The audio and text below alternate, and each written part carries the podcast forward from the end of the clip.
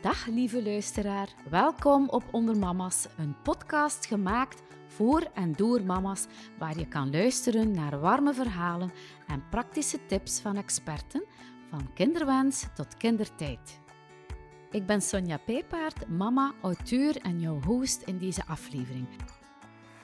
Dag Amandine, welkom bij Onder Mama's. Dankjewel, dag Sonja. Hoe gaat het intussen met jou? Ja, alles prima. Ja, ja, zeker. Ja, ondertussen ook al een hele evolutie meegemaakt. Ja, absoluut. Hè. Ik heb ondertussen een boek geschreven, hij is ook uitgekomen. Een bestseller, dus wel leuk dat klanten en de patiënten wel openstaan voor de preventieve geneeskunde eigenlijk. Hè. Preventie is zo belangrijk. Hoe noemt jouw boek? Er ligt meer op je lever dan je denkt. Je bent een ervaren voedingswetenschapper hè, en oprichter van Essentials. Je ontwikkelt voedingssupplementen om het vitaminetekort bij vrouwen op te vangen. Absoluut. Elke vrouw vandaag kampt wel doorheen haar uh, levenscyclus eigenlijk uh, met vitaminetekorten. Dat kan door stress zijn, hormonaal, dat kan verschillende redenen zijn. En zo is eigenlijk Essentials ontstaan. Want we hadden het er al eens over hè, in een vorige podcast. Maar ik ontdekte toen dat jij ook zoveel wist over zwangerschapsdiabetes. En vandaar dat we vandaag dieper gaan inzoomen op deze topic. Want ja, onder mama's is het wel iets wat vrees doet ontstaan. Hè? Uh, men kent het niet, maar jij weet er alles over. Ik weet er uh, wel veel over. Alles is misschien te veel gezegd, maar het is absoluut vaak een diagnose die als een shock kan ervaren worden. Hè? Als je zwanger bent, zeker als je eigenlijk geen kennis hebt of ook gezond eet, kan dat wel soms verschietachtig zijn als iemand die diagnose of een dokter de diagnose heeft van zwangerschapsdiabetes. Absoluut, ja.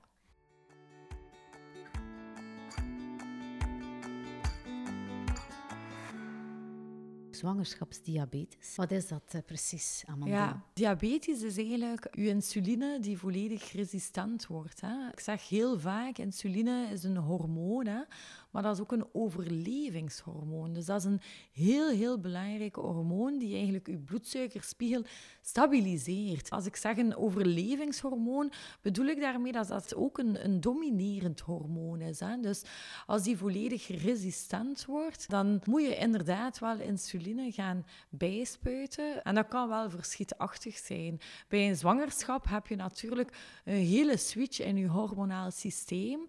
Dus je kan tijdelijk insulineresistent zijn. En dat kan je zeker oplossen met gezonde voeding. Dat is ook reversibel.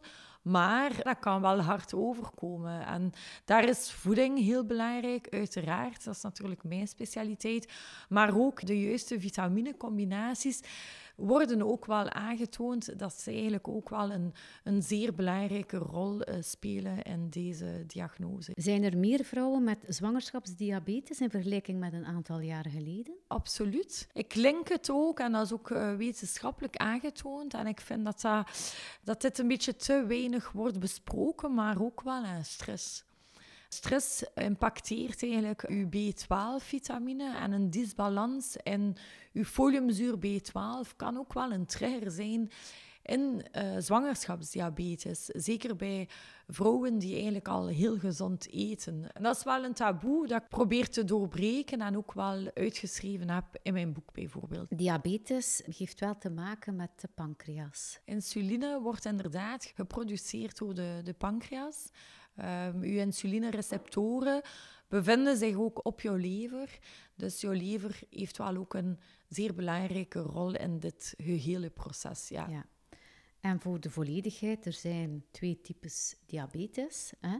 Type 1 en type 2. Ja. Daarnaast hebben we dan nog de zwangerschapsdiabetes, die dus mhm. tijdelijk kan zijn. Inderdaad, er zijn drie types diabetes. Hè? Type 1, dit is eigenlijk onomkeerbaar. Vaak ook aangeboren. Dan heb je type 2.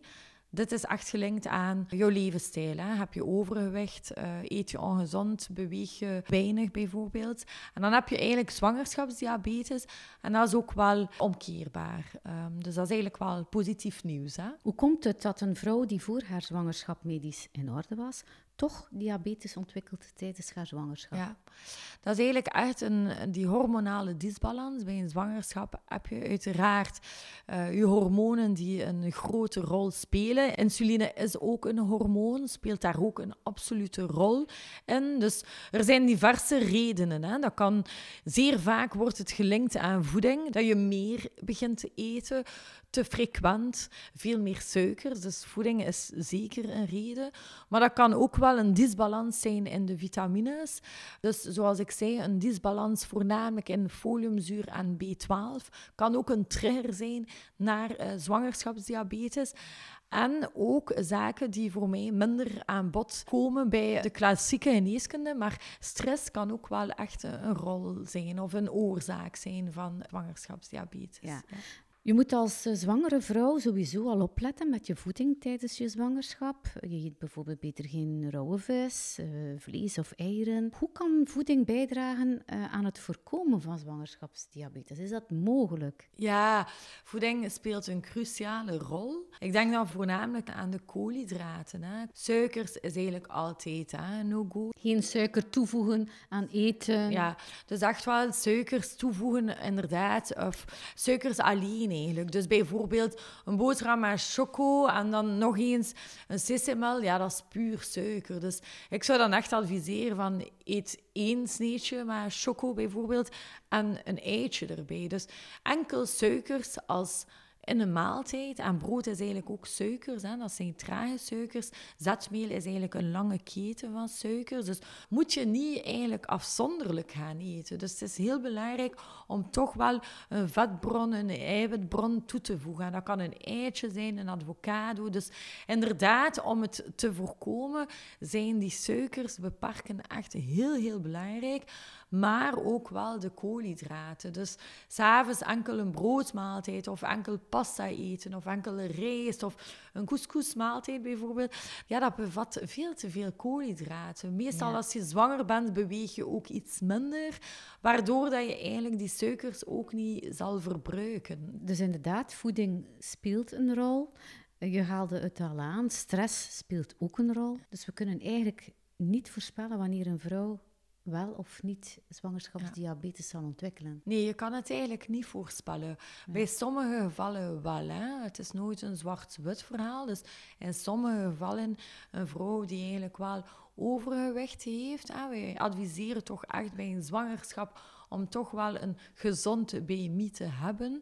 Dus iemand met overgewicht heeft natuurlijk meer kans. Maar iemand met een gezond gewicht, dan is het inderdaad onvoorspelbaar. En wat zijn de typische symptomen van zwangerschapsdiabetes? Waar heel veel dorst, nachtelijk zweten, dat zijn wel de eerste symptomen. Hè. Maar kan het ook zijn dat je geen van deze symptomen ervaart en dat je na de glucosetest toch geen goed resultaat Ja, absoluut. Dat komt eigenlijk vaak voor. En het is zo dat uh, mensen dan of vrouwen dan ja. Uh, ja, toch wel advies krijgen om op een aantal dingen te gaan letten. Ja, wel, dat zijn eigenlijk dan typisch de patiënten die ik bij mij krijg, omdat ze krijgen de diagnose wordt vastgesteld.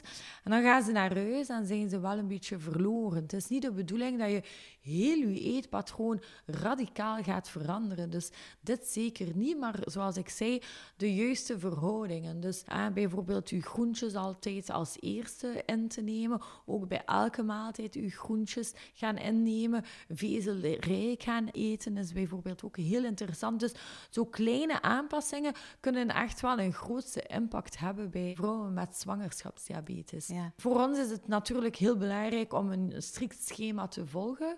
Want als er geen schema wordt gevolgd, dan is de kans wel reëel dat ze toch wel te maken gaan hebben met de insulinespuiten. En dit is echt wel wat we willen voorkomen. Hè? Dat ze inderdaad wel die glycemie onder controle hebben gedurende de negen maanden zwangerschap. Dus er wordt dan een specifieke behandeling opgestart of een bepaald dieet uitgewerkt. Een schema, hè, zoals je zegt, waar mensen dan zich, of vrouwen zich aan houden dan. Ja, ja, absoluut. Hè? Dat zijn, zoals ik zei, uh, kleine aanpassingen, maar die wel grootste veranderingen kunnen aangeven. Bijvoorbeeld aan fruit alleen gaan eten. Fruit is bijvoorbeeld echt... Uh, gekend als iets heel gezond. Dat is ook wel gezond, maar dat bevat ook fructose. En fructose heeft een directe impact op je bloedsuikerspiegel. Dus dan adviseren we bijvoorbeeld van kom, eet je appel met een aantal noten of eet je appel met een yoghurtje erbij. Dus die extra tips die eigenlijk wel een positief effect hebben op ja, die glycemie op lange termijn. En zeker die negen maand willen we echt wel voorkomen dat er medicatie nodig is. Want dat wil je eigenlijk niet uh, als je zwanger bent. Ja. Hoe voelen mama's zich als ze bij jou zijn geweest? Maar eigenlijk wel goed, want na de diagnose voelen ze zich altijd heel vaak schuldig. Hè? Dus de mama's nemen alles dan persoonlijk. Ah, het is mijn fout. Ik had eigenlijk mijn stukje chocola niet mogen opeten. En ik had misschien mijn stukje cake niet mogen opeten. Dus ze zijn gewoon, ze voelen zich extreem schuldig. En dat is absoluut niet de attitude dat je moet hebben. Want elke mama doet gewoon het maximum voor je babytje. Hè? Dus wij zorgen ervoor dat de kleine tips haalbaar zijn in de praktijk. Dat vol te houden is op lange termijn. En in combinatie uiteraard met de juiste vitamines. Wat we vaak zien is een vrouw met heel veel stress heeft B12 tekorten. Maar neemt dan foliumzuur in. En die disbalans in foliumzuur en B12 kan ook wel een negatieve impact hebben. Dus we bekijken echt het volledig plaatje. Beweging uiteraard ook. Hè. Als je zwanger bent, gaan we geen marathon gaan adviseren. Maar lichte bewegingen na een maaltijd heeft ook wel spectaculaire resultaten. Dus het is echt wel een en-en verhaal. Het is ook wel, ik denk dat de meeste zwangere vrouwen ook wel bereid zijn om wat opofferingen te nemen, hè, zodat het eh, goed gaat met zichzelf en met de baby dan uiteindelijk toch, hè, de volle negen maanden.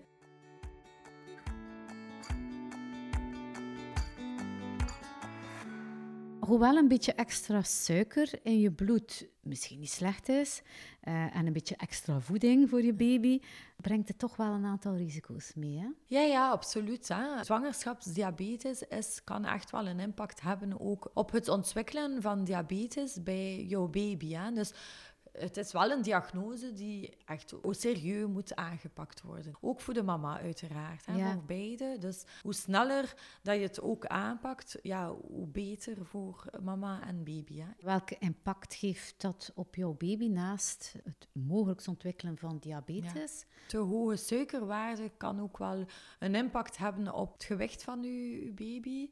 Ja, ik durf mij niet onmiddellijk uitspreken. Dat is altijd in alignering met een endocrinoloog uiteraard of een gynaecoloog, dokter. Maar het kan wel andere impacten hebben als het wel in een ver stadium is. Ja, mhm. absoluut. Ja. Dit wordt ook nauwlettend in de gaten gehouden door een medisch team, hè? door de ja, dokter ja, tijdens de zwangerschap. Wij doen echt wel enkel het voedingsplan.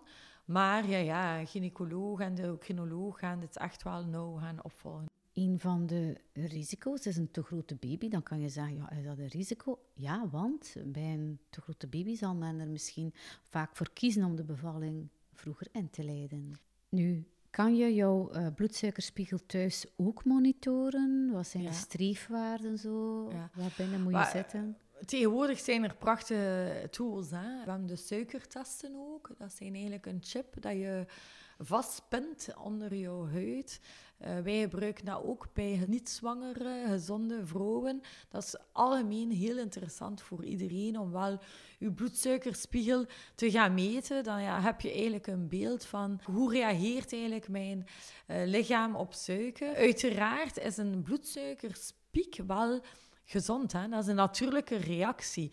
Wat dat heel interessant is en wat eigenlijk een belangrijkere parameter is, de variabiliteit. Dus hoe vaak heb je pieken doorheen de dag? Dit is eigenlijk wel een belangrijke parameter. En ook omgekeerd de hypo's s'nachts. Dit kan echt wel teken zijn van een belaste lever, bijvoorbeeld. Dus het is belangrijk om die waarden juist te gaan interpreteren, hè, voor alle duidelijkheid. Maar er zijn dus inderdaad wel die tools dat je continu kan meten, kan scannen met jouw uh, telefoon. En dan moet je inderdaad wel de grenswaarden eh, gaan behouden. Hè. Dit wordt ook ge gedefinieerd door de endocrinoloog, afhankelijk van persoon tot persoon. Hè. Inderdaad, nu hebben we sensoren en een koppeling met een app op de smartphone. Maakt het al iets eenvoudiger, hè, terwijl we vroeger de vingerprik hadden. Ja, waarmee dat we dan uiteindelijk de bloedsuikergehalte konden meten. Hè. Maar er worden ook wel testen gedaan bij de dokter, die dus van de voorbije periode de resultaten weergeven en dat zijn dan andere metingen. Hè? Klopt het dat zwangerschapsdiabetes gewoon verdwijnt na je bevalling of moet je toch blijven opletten? Eh, meestal verdwijnt het inderdaad, maar blijven opletten is voor iedereen wel uh, zeker adviseerbaar. Natuurlijk, je bent er wel gevoeliger aan. Hè? Er zijn wel onderzoeken die aantonen dat uh, toch een bepaald percentage, niet weinig toch, van de vrouwen met zwangerschapsdiabetes binnen een bepaalde termijn, 5 à 10 jaar, het wel effectief de type 2 ontwikkelen. Als ze, ja, ja, als ze inderdaad niet... ze zijn er veel gevoeliger aan. Hè? Ja, absoluut. Dus oké, die medische opvolging die moet dan uh, ook na de mhm. bevalling nog verder mm doorgaan tot wanneer dat het lichaam van de vrouw terug in ja. een uh, hormonale balans is. Hormonale balans, ja, absoluut. Ja.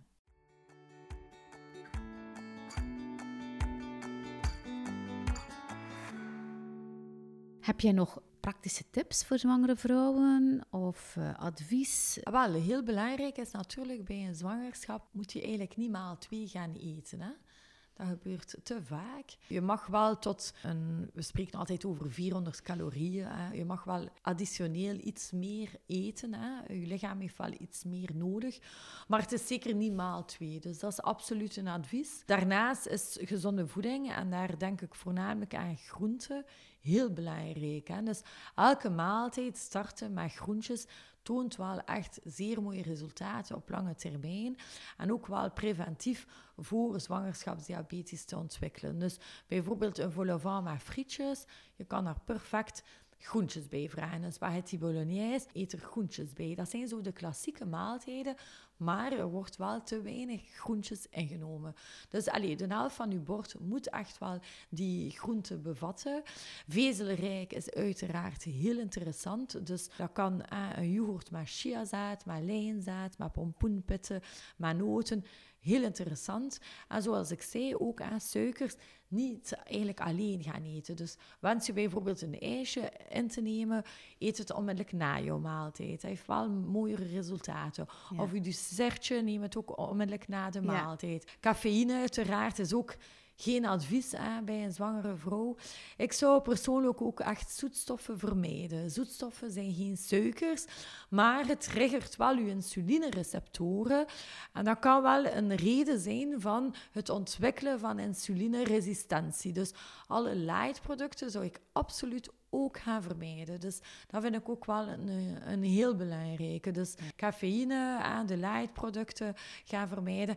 En dan, ja, eiwitten blijft wel een mooie bron van energie. Dat zijn ook wel de bouwstenen. Dus ja, gezond, allee, onbewerkte vleeswaren. Dus een stukje kip, een stukje vis, een eitje, ja, heeft toch wel echt zijn voordelen. Koolhydraten zou ik bijvoorbeeld ook minder s'avonds gaan innemen. Dus koolhydraten, bijvoorbeeld pasta, rijst, eet het eerder smiddags en s'avonds eerder een lichtere maaltijd. Ja. Tussendoortjes ook niet gaan overdrijven. En een traditioneel lekker soepje. Ja, een voorrechtje, een soepje. Heel interessant, hè?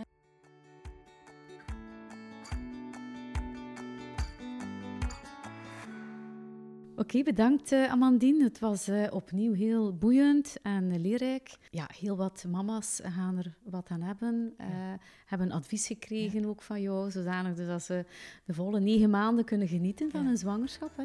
Absoluut. Met plezier. Dankjewel, Sonja. Graag gedaan. Bedankt om er opnieuw bij te zijn in deze aflevering van de Onder Mama's podcast. Vergeet zeker niet om je te abonneren op onze podcast. Neem een kijkje op ondermamas.be en volg ons op Instagram voor extra warme content van zwangerschapswens tot kindertijd. Tot de volgende keer.